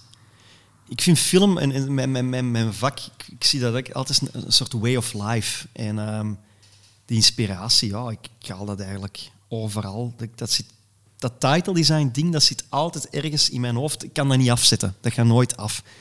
Dus als ik ergens ja, in architectuur of, of ik zie ergens een lichtinval, dan denk ik van, oh, dat is cool. Misschien is het mee doen, title design. Of, of ik zie ergens, dat kan een behangpapier zijn ergens. Dat is vaak ook boeken. Boeken met, met, van, van, met, met designing. Dat ik, dat ik en er doorbladeren en ik denk van, oh ja. Dan langs ook nog een boek over kalenders gekocht designs van kalenders. Ja, dat is gewoon, ja, dat zijn heel ingenieuze systemen hoe dat maandkalenders, weekkalenders, jaarkalenders ineensteken. Allemaal super toffe ontwerpen, heel goed gevonden. En ook daar denk ik dan van, amai, maar dat is wel een goed idee voor zoiets met die grafiek in een title design te steken. Dus ik zeg het, dat, dat, is, dat zit er altijd ergens in mijn hoofd rond te zweven, dat title design ding. En de inspiratie kan van overal komen, echt overal. Wat is, uh, wat is volgens u de, de toekomst van, uh, van, de, van de, de op- en afgeneriek? Zijn er trends naar de toekomst toe of nieuwe technieken die uh, voor verandering kunnen zorgen? Of, Goh, ik, ja, natuurlijk die, die tendens van korte generieken en skip the titles en zo, dat gaat, ik denk dat dat niet meer gaat weggaan. Netflix gaat niet op een dag zeggen, oh, die, die, die skipknop, we gaan die terug wegdoen. Dat gaat niet gebeuren. Uh, wat ik wel zie aankomen in, in, de, in de States weer al, is dat er een hele korte generiek voor een tv-reeks wordt gezet. Um, en die dat dan... Ja, er bestaat ook een langere versie van. En die wordt dan eigenlijk ingezet als promotiemateriaal. Dus eigenlijk een, een, een maand of twee weken voordat de reeks on gaat, zeggen ze van zeg, er, is, uh, er komt een nieuwe reeks. En eigenlijk gebruiken ze die begingeneriek al om dat te teasen. En eigenlijk die generiek meer als, als promo in te zetten. Uh, wat ik ook zie bijvoorbeeld, uh, vond ik heel jammer, bij de Queen's Gambit is er een, En, Saskia Marka is een Duitse title designer. Heeft ook van Babylon Berlin. Ze maakt heel mooie dingen. En zij is gevraagd om de, de begingeneriek van Queen's Gambit te maken. Die begingeneriek zit daar nergens in. Dat is gewoon een titel. En die begingeneriek is uiteindelijk main on end titles geworden. Bij enkel de laatste aflevering. Dus als je de laatste aflevering tot het einde kijkt, krijg je een fantastische generiek, eenmaal op het einde, uh, dat Saskia dus gemaakt heeft. Uh, ja, ik vind dat heel jammer dat dat gewoon niet bij het begin van elke eerste aflevering zit. Maar dat is een tendens dat eigenlijk overkomt uit film. Daar is dat ook vaak main on end. Dat zie je ook bij veel Marvel-dingen. Dat de film eigenlijk een, een cold open is. Je hebt wel wat titeltjes op beeld. Uh, en bijvoorbeeld bij, bij uh, Iron Man en zo, dat je een hele 3D-sequence krijgt van heel dat pak dat geassembleerd wordt met hele coole titels. En daar blijven mensen dan ook weer voor zitten, want de film is gedaan en dan heb je super cool grafisch op het einde van de film. Maar ik denk dat, dat die verschuiving wel vaker en vaker gebeuren. Die, die cold open gaan vaker zijn en dan gaan ze iets cool op het einde zetten. Dat zie ik wel gebeuren.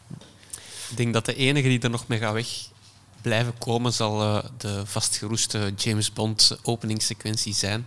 Ja, maar die wordt ook als promotiemateriaal gebruikt. Hè. Dat, is, allee, dat wordt dan gekoppeld aan, aan een of andere hippe muzikant dat dan de titelsong maakt. En vaak zit die begingeneriek gewoon al maanden op voorhand op alle kanalen online te zien. En, en, en ja, dat gaat dan begin blijven. Maar iedereen heeft het al gezien. En dat is eigenlijk ook meer, ja, dat wordt meer als promo gebruikt bij Bond. Hans, dan stel ik voor dat wij naar uh, ons volgende onderdeeltje gaan. Uh, dus jij mocht weer een uh, jingle maken en ditmaal voor de Spotlight. Ah. de Spotlight. De Spotlight is een, uh, is een segmentje waarbij ik aan mijn, uh, aan mijn gasten vraag voor uh, iets bijzonder mee te brengen of te doen, of een talent of een passie of een, iets uit het verleden mee te brengen. En wat heb jij voor ons vandaag in petto hand? Ah, wel, ik ben van het weekend in Barcelona geweest en wat ik altijd... Ik ben een hele grote koffieliefhebber. ik, ja, ik pak altijd overal goede koffiebonen mee. Tegenwoordig heb ik een app uh, die dat overal ter wereld de goede koffiebars en zo toont.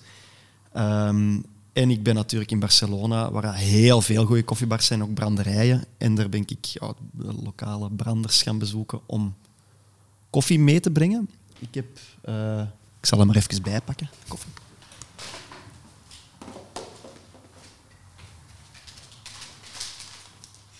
Ik heb hier uh, Three Marks koffie. Zij hebben, zag ik staan, uit Ethiopië koffie. En Ethiopië is sowieso um, voor mij, en ik denk voor veel koffieliefhebbers, toch wel de bakermat van goede koffie. En het is zelfs uh. Dat wordt zo door kenners een beetje beschouwd als de beste koffie dat je kunt krijgen.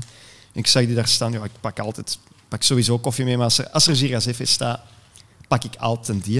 Ik heb hem nog niet geproefd. Uh, ik heb speciaal op u gewacht, om die samen met u te proeven. Oké, perfect. Ja. dus we gaan die zetten. Goed. Uh, ja, dat, dat duurt wel even, uh, want ik moet die nog malen. Ah, wel. Bonen. Dan ga ik proberen dat proces ook een beetje mee op te vangen in audiovorm. Dat is goed. Ik kan, niet zoals bij de Leemans de pers mee roefelen, maar we gaan dat hier pogen te doen met materiaal. Oké, fantastisch. Ja. Ik heb uh, mijn koffie gewogen. Ik heb 30 gram koffie afgewogen. Eigenlijk zo gezegd voor vier, vier kopjes, vier kleine kopjes. Uh, ze zeggen zo ongeveer 7 gram koffie, 7 gram en half uh, per kopje. Dan krijg je een goede smaak. Ik heb dat ge, gewogen en ik ga dat nu malen. het is Irajefe koffie uit Ethiopië. Dat is eigenlijk koffie dat op vrij grote hoogte wordt, wordt gekweekt eigenlijk. Arabica bonen. Um, en dat geeft een specifieke smaak, eigenlijk. Allee, doordat de lucht daar zo, zo hoog is en ja, temperaturen en zo. Dat geeft een super ja, fruitige, harde smaak van, van die koffie, zoetig. En ja, keigoede koffie gewoon. Mocht anders uh, een beetje ASMR malen.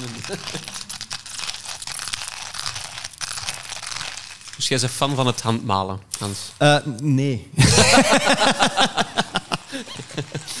ik, heb, uh, ik, ik, ik, heb um, een molen normaal. Dat ik elektrisch maal, dan kan ik gewoon afwegen en dat erin kappen. En uh, wij hadden hier een, een filmshoot. En ik dacht van, ik kan voor iedereen hier van heel de crew lekkere koffie maken. Want je kunt toch geen filmshoot hebben zonder lekkere koffie. En ik heb die vol bonen gestoken. En blijkbaar uh, is dat niet de bedoeling dat je die helemaal vol steekt. Want ja, je blades, je, maalstenen, die geraken helemaal verstopt. En, en, ja, en ik dat bijna niet proper. Dat koekt echt vast. Dus ja, ik heb, ik hem wel eens open gehad, proberen te kuisen. Dat, dat, er is geen beginnen aan. Ik moet er echt mij eens een paar uur aan zetten voor dat ding uit te kuisen. En dan kan ik mijn molen hier terugzetten.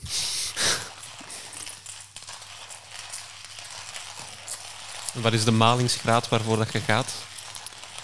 Um, medium. We zitten hier met een percolator. Ik heb hier een, een Mokka Master staan. Dat is ook zo een beetje onder de onder de fans, onder de kenners, wel zo de, de, goede koffie zit. Zo. Dat is wel allez, vrij standaard koffie zit. Uh, gelijk dat je vroeger bij de bomma hebt staan. Het is, geen, het is wel een fancy machine. Het is geen fancy machine dat je op een knop moet drukken en, en alles is klaar, je bonen worden gemalen, lopen erdoor. Het goede aan die Mokka Master is, dat wel een beetje fragiel. De, de buisjes dat daarin zitten zijn van glas gemaakt. Dus je kunt een glas, dat is iets dat geen smaken doorgeeft of, of, of bijhoudt of zo dat is iets anders dan bijvoorbeeld metalen buisjes of, of, inox of zo. Dat kan toch nog een beetje smaken, zeker als er zo wat koffieresidu in zit. Plastic, dat proefde ook, maar glazen buizen, dat maakt die Mokkemasters onder andere wel hele goede percolators.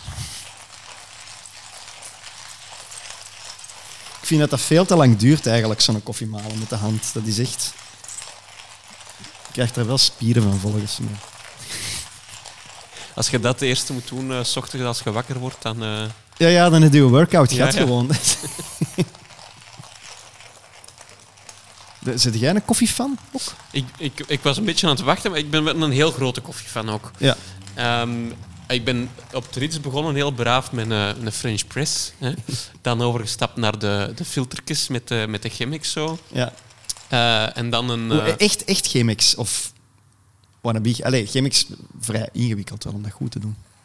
Uh, ja, het, is wannabe, het zal wel wannabe... Allee, gewoon de glazen vorm en de, en de filter en de ja, trage pour-over. Ja, ja, ja. ja. Ik zal het meer een pour-over dan een, een exacte Chemix. Ja. Um, en dan vandaar de, de Bialetti van mijn pa. Ja, ja, ja. ja. Nou een Bialetti. Dat heel lang gedaan. En dan nu, uh, sinds kort, heb ik uh, van Kaat voor mijn verjaardag een, een espresso-machine mm. gekregen met heel de bazaar. Met, uh, Laten we duidelijk zijn. Espresso, niet Nespresso, hè? Espresso, ja. ja, okay, ja. ik, niet een, niet, niet af, ik, afwaswater. Een espresso-machine gekregen. dus een, ja, inderdaad. Ja. Eén dat je kunt fine-tunen qua drukking. Ja, ja, ja, ja. ja. ja. ik ben, ben zelf meer fan van, van gewoon een Americano of allee, iets met meer water. Dat je zo... Een espresso kan er natuurlijk ook wel in. Uh, maar ik, gewoon... Kun je minder lang van genieten. Ja, maar ik zie dat wel. Een, een goede espresso van een goede koffie, ik noem dat eigenlijk altijd een praline.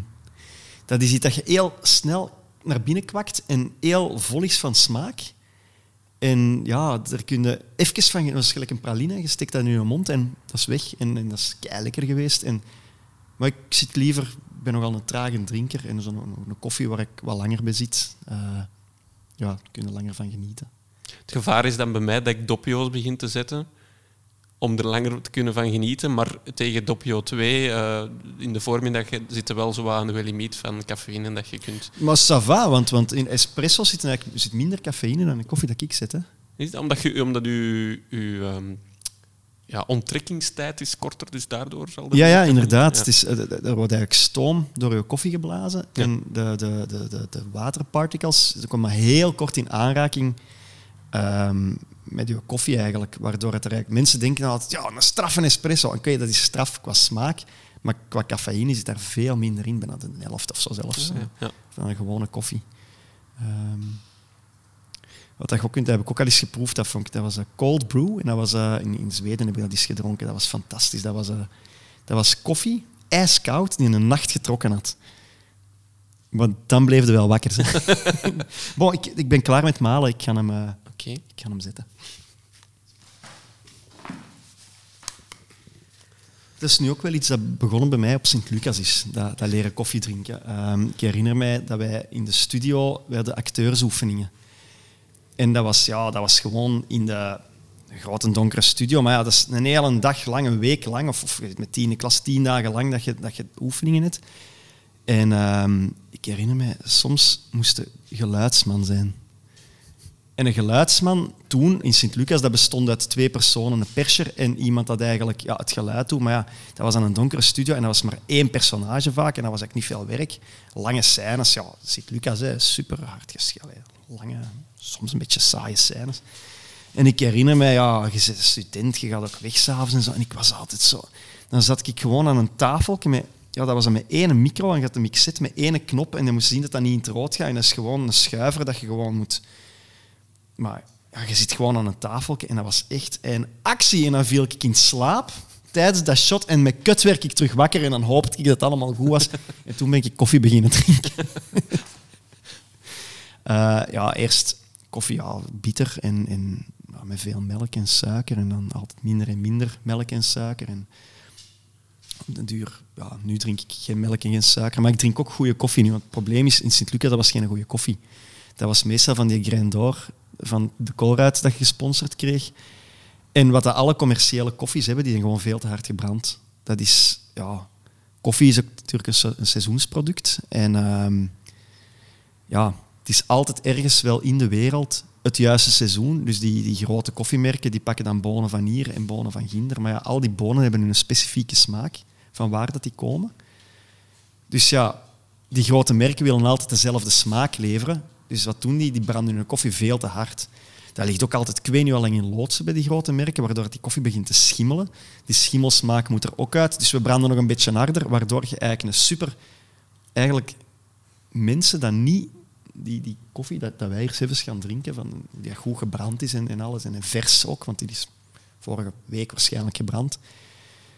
Veel mensen kennen de smaak van echte koffie niet.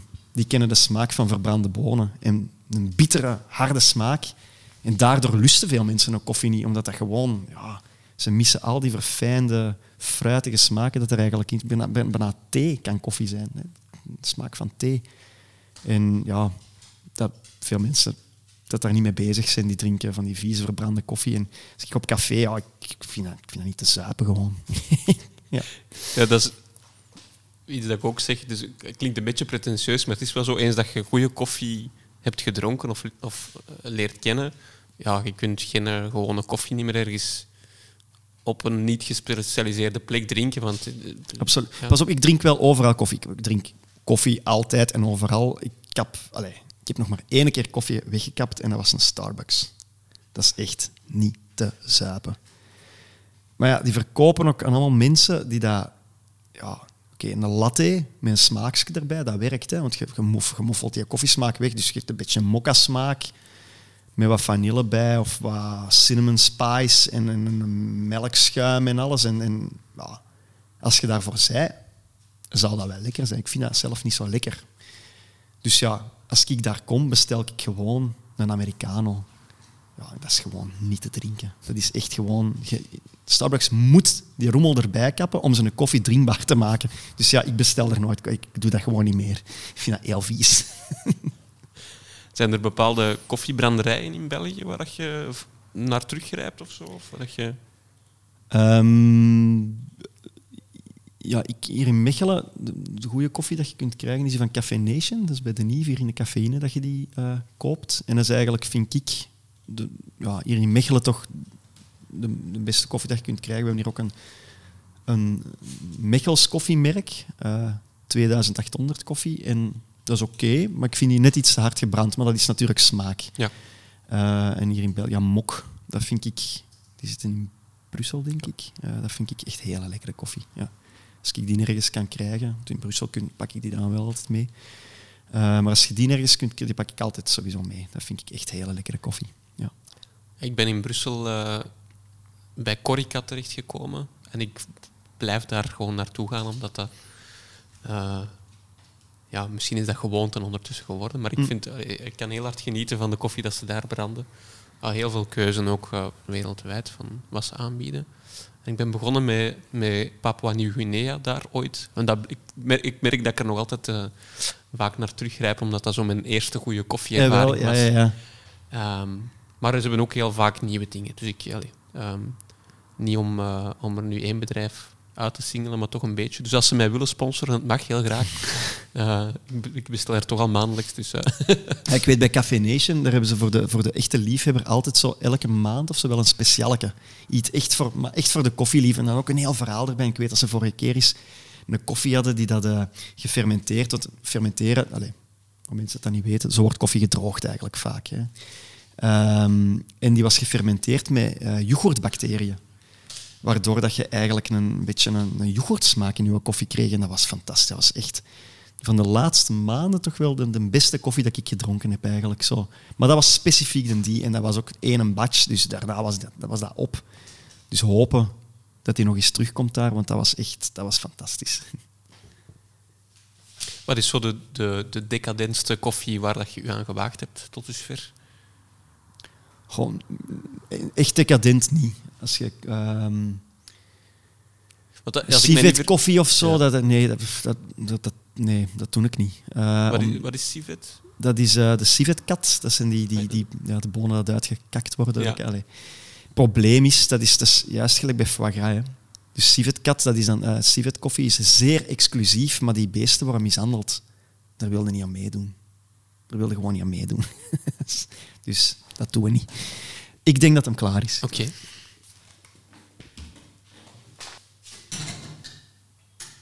Ik heb hem natuurlijk zelf nog niet gedronken, dus het kan tegenvallen, maar ik denk, dat het oké is. Beschrijf ons de, de geur anders eens. De geur... Koffie, hè? ja, zo als hem zo warm is, dan... Een beetje een chocoladentoets als je hem proeft. Een fruitige zit er toch in. Ja, ik vind, vind het lekker. Ja, het is goed.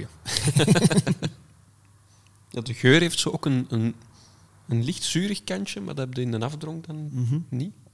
Dat is uh, speciaal, hè? dat komt er nog met koffies tegen, vind ik. Dat, dat, dat de geur helemaal anders is dan dat je het proeft. Hè?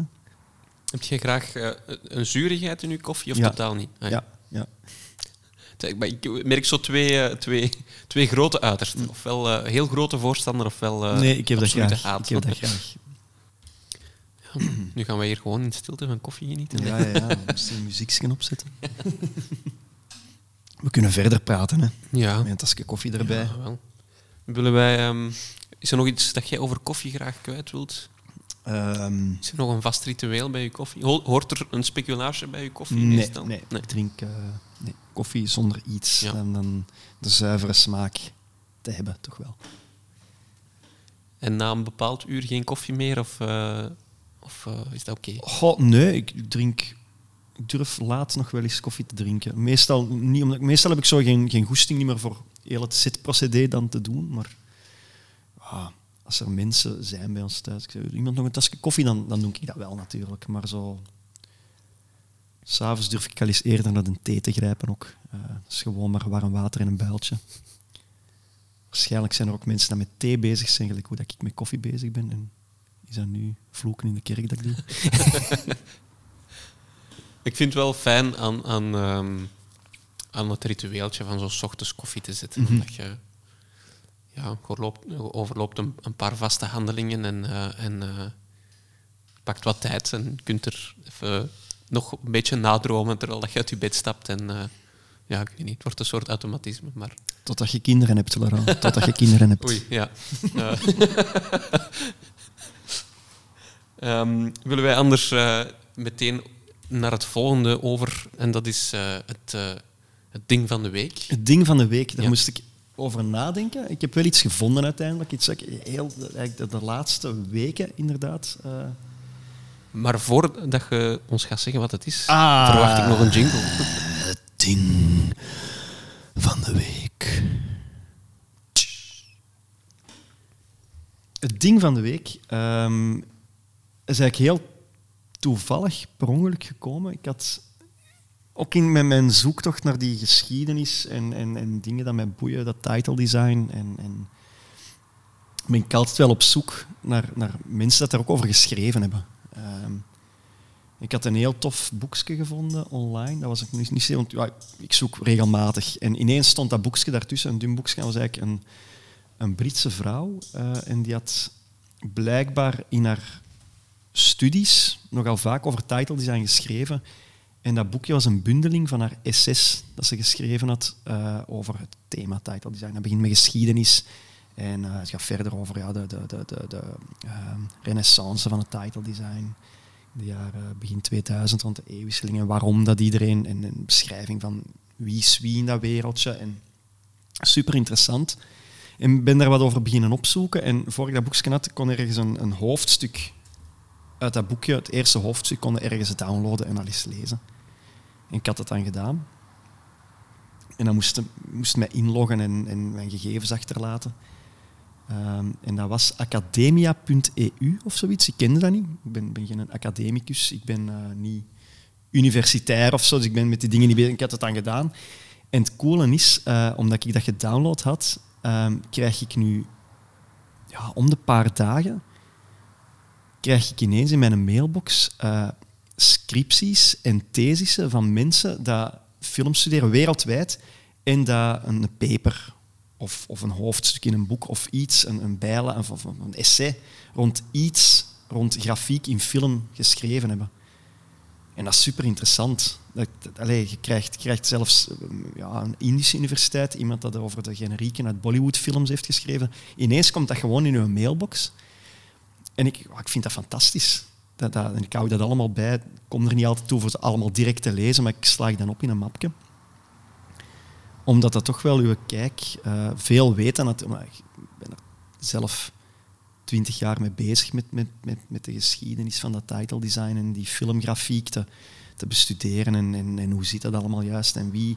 En ineens krijg je zo'n hele hoop andere invals, ook, ook academisch, dat mensen dat daar echt zo gaan bestuderen van waarom in die generiek juist staat. Wat bedoelen ze daar eigenlijk juist mee? Dus, maar omdat er zoveel verschillende schrijvers zijn, krijg je allemaal andere invalshoeken. En dat is super interessant. En ja, dat kwam toevallig ineens in mijn... Ja, omdat ik mij daar had opgegeven, komt dat in mijn mailbox terecht. En dat is zo, ja, een niet stopbare bron van, van informatie dat heel tof is, dat, dat ik ervoor niet kende.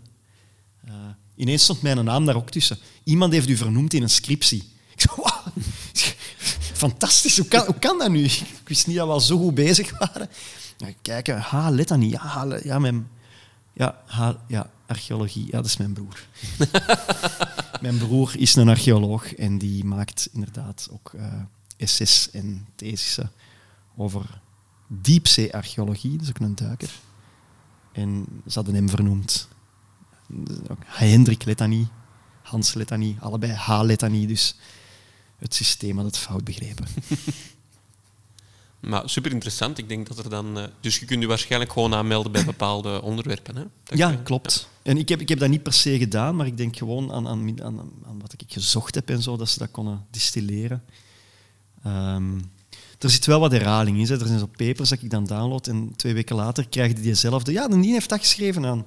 Ah ja, maar die heb ik eigenlijk al. Allee, dus, dat, er zit zowel wat een circulerend ding in, dat dingen terugkomen van, ah misschien kende deze nog niet. Ze, blijven het wel in uw mailbox duwen, ook al heeft het al gehad of zo. Het is niet zo, ah ja, hij heeft gedownload, dat kunnen we van de lijst schrappen. Nee, je krijgt het dan wel nog eens. Maar dat is, ja, er zijn dingen bij van 50 bladzijden, er zijn dingen bij van 10 bladzijden. Uh, maar heel fijn om te lezen. Ja. Je het nu verkocht als net niet spam, maar... Uh... Ja, ja, ja, maar ik, dus, het is wel gewenst. Uh, het is, Nee, ik vind het tof. Ik, vind altijd, ik ben altijd heel nieuwsgierig wat er dan in staat. En zo, ah, maar die heb ik al gehad. Oké, okay, En soms, minder en minder, zit er dan eens een nieuwe tussen. En dan ben ik altijd heel blij dat ik die nog niet gehad heb. ik zal de website in de beschrijving van de podcast zetten, dat mensen dat uh, op zoek kunnen naar, uh, naar, hun eigen interesse in uh, inscripties of, mm. of, papers. Dan ga ik misschien mijn ding van de week zeggen. Oké. het, is geen, het is geen nieuw ding, uh, ik kende het ook al, maar ik heb het herontdekt. Want ik ben momenteel aan het schrijven aan een, een nieuwe reeks. En er bestaat een podcast genaamd Script Notes. Uh, ja, eender waar beschikbaar waar dat je podcasts luistert, zoals hier waar dat je nu luistert. Um, en die gaat specifiek over schrijven. Dat zijn twee ervaren scenaristen die eigenlijk um, een beetje hun ervaring delen Maar ook, er zit heel veel community interactie in. Dus kun je een deel van je scenario insturen, geven ze daar feedback op. heel tastbare zaken en inspirerend als je aan het schrijven bent. Maar dat gaat van, dat gaat van bredere verhaalstructuren tot, tot punctuatie. Dus het is heel, heel ruim in onderwerpen. Een van, een van de hosts is ook de scenarist geweest van um, um, Chernobyl. Dus een reeks dat veel mensen mm. denk ik wel gezien hebben. Um, dus super interessant voor mensen die aan het schrijven zijn. Ik, ik vind dat het helpt mij vaak al in mijn enthousiasme om naar andere mensen hun, hun miserie te luisteren als ze ja, iets aan het schrijven zijn. Dat ja, een beetje gedeeld leed misschien. Eh.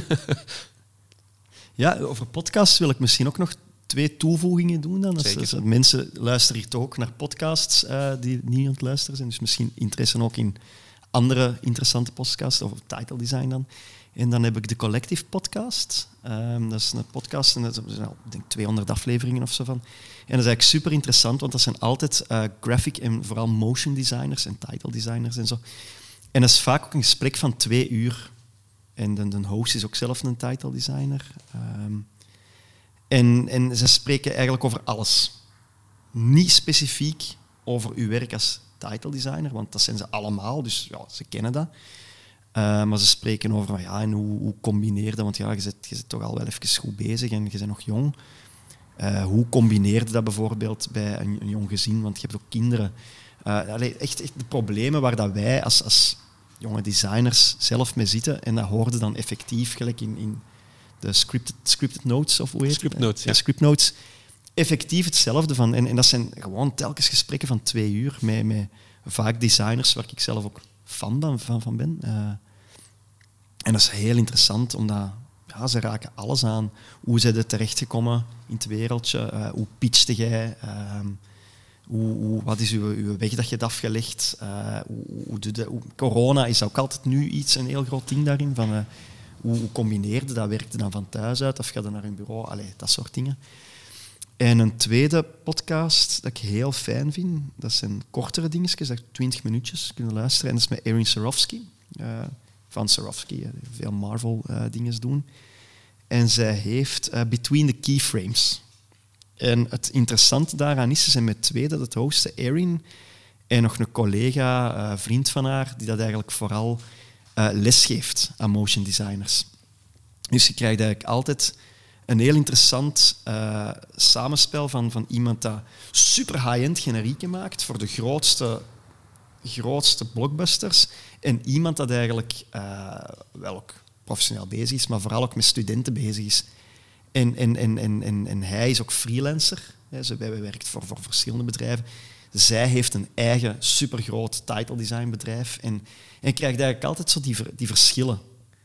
En dan konden bijvoorbeeld ook een keer eens reels insturen en hebben ze een reel helemaal ontleed uh, online en gezegd van ja, dit zou ik korter doen en, en maakt eigenlijk beter. Zo. Maar dat zijn zeker voor, voor studenten en zo super, omdat dat, dat is kort, dat kun je op een fietsritje uh, van, van school naar huis of whatever, even luisteren. En ze geven hele goede tips, omdat je juist gewoon die twee uitersten hebt, van, van studenten naar hyperprofessioneel. En zij zeggen, ze geven altijd een, een, onderwerp en zeggen, ja, hoe sta jij en studenten daar tegenover? En hoe sta ik daar tegenover? Wat is het verschil? Wat zijn de voordelen van, van zelfstandigen en de nadelen van zelfstandigen? Wat zijn de voordelen van een eigen bedrijf en de nadelen van een eigen bedrijf? En, en zij hebben allebei bakken ervaring en, en dus ja, super interessant om, om, te luisteren.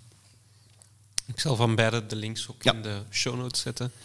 Ehm, als we dan toch over links in de show notes bezig zijn, waar kunnen mensen uh, titles uh, vinden op social media en op uh, het web? de, onze website is gewoon www.titles.tv. Um, ehm, daar staat het meeste van het werk dat wij de laatste jaren gedaan hebben. En op social media is het ook titles.tv. Ehm, op Instagram en Facebook. En ja, de Facebook, die is vrij, uh, de Instagram is vrij up-to-date ook. Uh, wij posten daar heel vaak dingen op, hoe dat met ons gaat en, en, wat dat we aan het doen zijn. En uh, ja, heel fijn. En wat ik heel fijn vind aan, aan die dingen is dat die mensen, gelijk Erin Sarofsky dat ik daarnet aanhaalde en zo, die volgen ook onze Instagram. En, en je hebt, dat zijn dan mensen met een heel groot bedrijf in Amerika, de grootste films, maar er is wel door die Instagram, wat ik daar zo tof aan vind, is dat er wel een, een interactie is in heel die community. Je kunt met die mensen eigenlijk gewoon kunt die een vraag stellen en die antwoorden ook gewoon. En, en of die reageren, grote designers hebben iets gemaakt en die, die, die reageren wel dat ze dat tof vinden. En, en, en op een of andere manier beginnen die mensen wel zo te leren kennen. En als je dan bijvoorbeeld naar Cannes of zo gaat en je zegt van zit in Cannes, zit jij hier toevallig ook, kunnen een koffie gaan drinken? Dan zeg je, ah ja, ja, ja ik, ben, ik kom eigenlijk volgende week of zo, dus ja, maar anders graag. Maar als je in Parijs, hè, dan Parijs designer, ja, laat het weten, dan gaan we zeker... Of, ja, die, die, die Instagram, dat maakt je wereld wel op een of andere manier veel kleiner. En dat vind ik daar super tof aan. Ja, dat is de... Allez, dat is de ehm, misschien nog het, uh, het mooiste voor, uh, voor, voor onze generaties nu is dat je veel makkelijker mensen met dezelfde passie vindt en dat je... Ja.